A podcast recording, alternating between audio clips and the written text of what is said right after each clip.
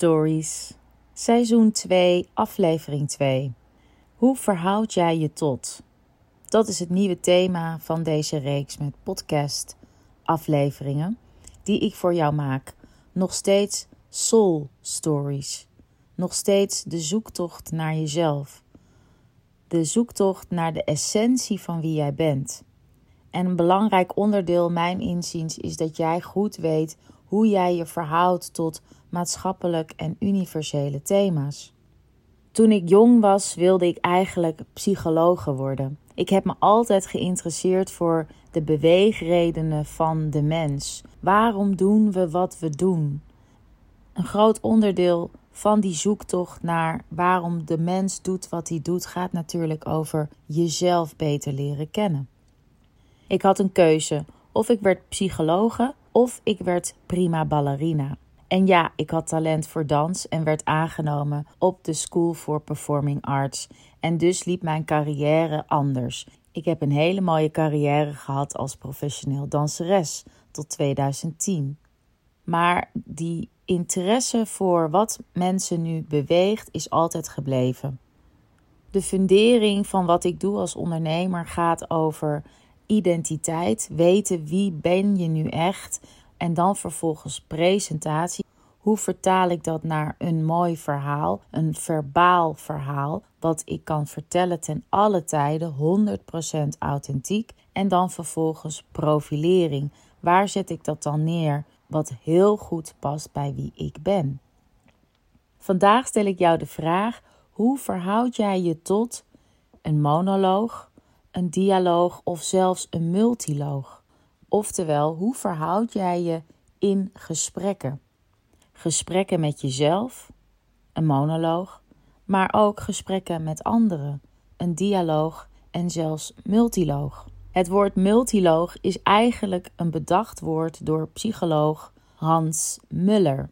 Hij heeft in de jaren 80 ontdekt dat psychologie in die tijd helemaal niet echt ging over het willen begrijpen van mensen, maar meer het willen vastleggen van bepaalde patronen en processen. En hiervoor werd niet bestudeerd de mens, maar het dier. Dat stond hem zo tegen dat hij al vrij snel een zijweg is ingeslagen om wel mensen echt in die essentie te leren kennen. En hij kwam erachter dat mensen in de basis een sociaal wezen zijn. En dat het dus voor ons als mens heel belangrijk is om ons te kunnen spiegelen met anderen, om in gesprek te gaan met anderen. Er wordt ook wel gezegd: in de ander is waar jij jezelf vindt. Dus hoe verhoud jij je in gesprekken? Laten we drie casussen pakken: het gesprek met jezelf, de dialoog met één ander persoon en vervolgens een groepsgesprek. Heb jij andere gesprekken met jezelf alleen dan wanneer je die hebt met een ander? En wat maakt dat dat verschilt? Is dat de input van de ander die jou aan het denken zet? Is het het aanpassen aan de ander voor de harmonie? Is het de energie tussen jullie die hoog of laag is, die jou beïnvloedt? Wat is het verschil tussen het gesprek met jezelf en met anderen? Ons brein draait overuren. Ons brein staat eigenlijk nooit stil. En de gesprekken die je met jezelf voert, is voor wel 97% onbewust. 97% van wat jouw brein doet en de gesprekken die jij voert zijn onbewust. Laat ik even kort door de bocht zeggen: jouw reptiele brein draait overuren en vertelt jou allerlei dingen waar jij je helemaal niet bewust van bent. Dan blijft er dus nog 3% over waar jij je wel bewust van bent. En dat kunnen we trainen. De shortcut naar geluk is zo pijnloos mogelijk groeien. Dat betekent dat ons brein in principe altijd de shortcut kiest. En dat houdt in dat de gedachten die wij hebben, de gesprekken die we met onszelf voeren, veelal snel in een negatieve lading terechtkomen. Zinnetjes zoals: dat had beter gekund. Wat ben ik toch ook stom geweest? Waarom gebeurt mij dit altijd? Wie ben ik nou eigenlijk helemaal? Enzovoort. De helpende tegenhanger is natuurlijk het om te draaien. En dat kunnen we trainen. Je moet het zien als dat jij naar de sportschool gaat en jij je spieren traint met gewichten of met je eigen gewicht. En als jij twee tot drie keer per week gaat, dan zie jij na een paar maanden echt dat resultaat. Dat is hetzelfde eigenlijk met ons brein. Als wij die negatieve gedachten ombuigen naar helpende en wij daarin als zijnde naar de sportschool onszelf in trainen, dan gaat dat echt beter. In seizoen 1 heb ik jou een opdracht gegeven. Ik noem het een mantra, maar je zou ook kunnen zeggen affirmatie. Ik noem het een mantra omdat ik vind dat jij je eigen toon en melodie en ritme moet vinden om deze zin aan jezelf uit te spreken. Laat ik een voorbeeld geven uit mijn eigen leven. Ik heb de overtuiging dat rust nemen gelijk staat aan zwak zijn. Die overtuiging die heb ik meegenomen uit mijn danscarrière. Tijdens de opleiding werd ons verteld dat wij vooral altijd door moesten gaan. Hard werken, door de pijn heen bewegen. The show must go on. Ik heb dus heel snel het gevoel dat ik nutteloos bezig ben als ik gewoon lekker op de bank zit en een tijdschrift zou lezen. Mijn overtuiging klinkt dus als: als ik rust neem, ben ik lui. Als ik rust neem, ben ik nutteloos. Ik zou deze natuurlijk ook kunnen omdraaien naar een helpende. Die helpende die klinkt dan bijvoorbeeld: als ik rust neem, zorg ik heel goed voor mezelf. Als ik rust neem, kan ik groeien omdat ik gezond ben. Als ik rust neem, zijn mijn lichaam en geest in ruststand, waardoor ik uiteindelijk beter presteer.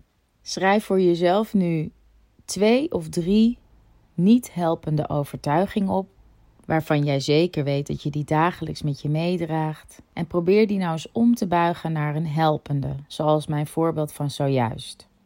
En doe dit dan vervolgens 10 dagen achter elkaar. Train je brein alsof je naar de sportschool gaat. En begin de dag met dit mantra en eindig de dag met dit mantra. En na 10 dagen dan kies je weer een nieuwe uit. En zo train je jezelf in helpende gedachten. Hoe verhoud jij je tot de dialoog? Wat ik net al zei, ben jij iemand die zich aanpast om de harmonie te bewaren? Ben jij iemand die heel gevoelig is voor energie? Ben jij een energiegever? Of word je juist heel erg door de ander meegetrokken? Ben jij iemand die geïnspireerd raakt door de ander en daardoor weer nieuwe input krijgt en daardoor anders gaat denken?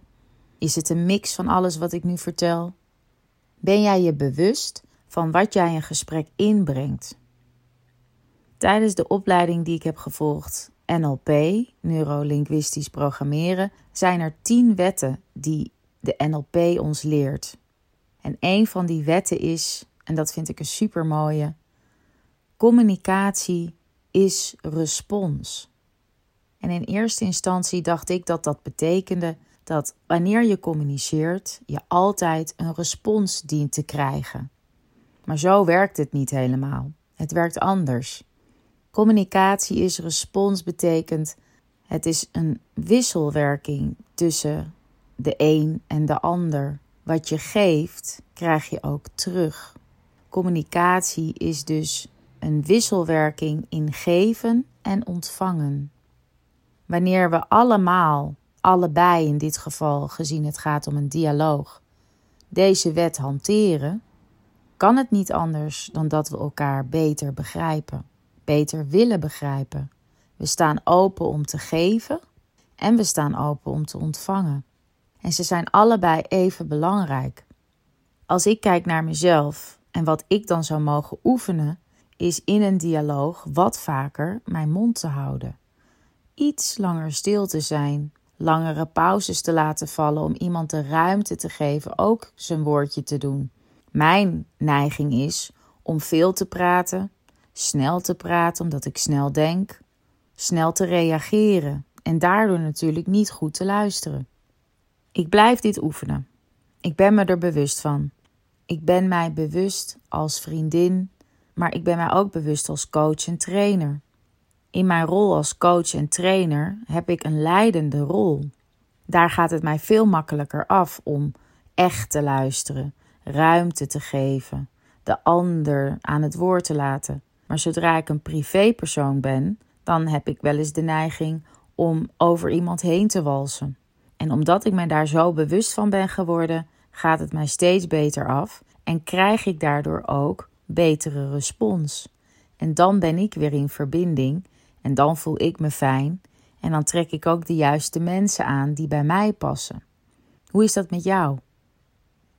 En de laatste gaat over de multiloog, zoals Heinz Muller heeft ontwikkeld. Of eigenlijk gewoon gezegd het groepsgesprek. Een groepsgesprek kan heel ingewikkeld zijn zonder een echte gespreksleider. Hoe geef je elkaar het woord? Hoe bewaak je de veiligheid in de groep, de dynamiek van de groep? Wat zeg je wel en wat zeg je niet? Wat is meer bedoeld voor een één op één gesprek? Hoeveel tijd neem je bij het spreken? Ben je interactief, dus zorg je ervoor dat anderen ook kunnen reageren? Of ben je in een groep eigenlijk een monoloog aan het houden en verwacht je dat de ander alleen maar luistert? De waarde van een groepsgesprek is heel erg het kunnen herkennen en vergelijken van jezelf met anderen.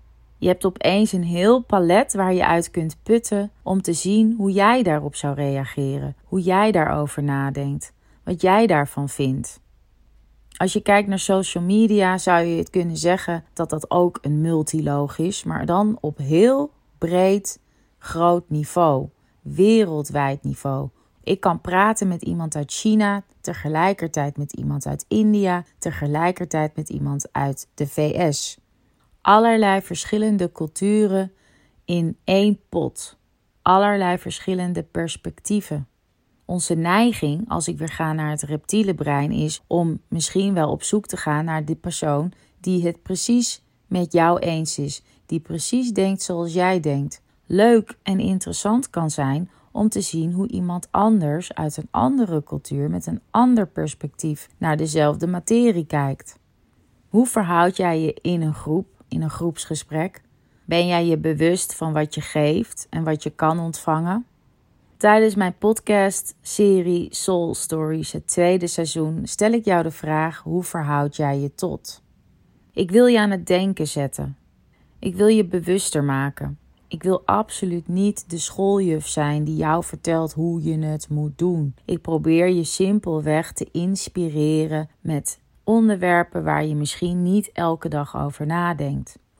Wanneer jij jezelf steeds beter leert kennen, en dat heb je kunnen doen in seizoen 1 doordat ik je heb afgepeld als een ui, is het fijn om ook te zien hoe jij je verhoudt tot die maatschappelijke en universele thema's.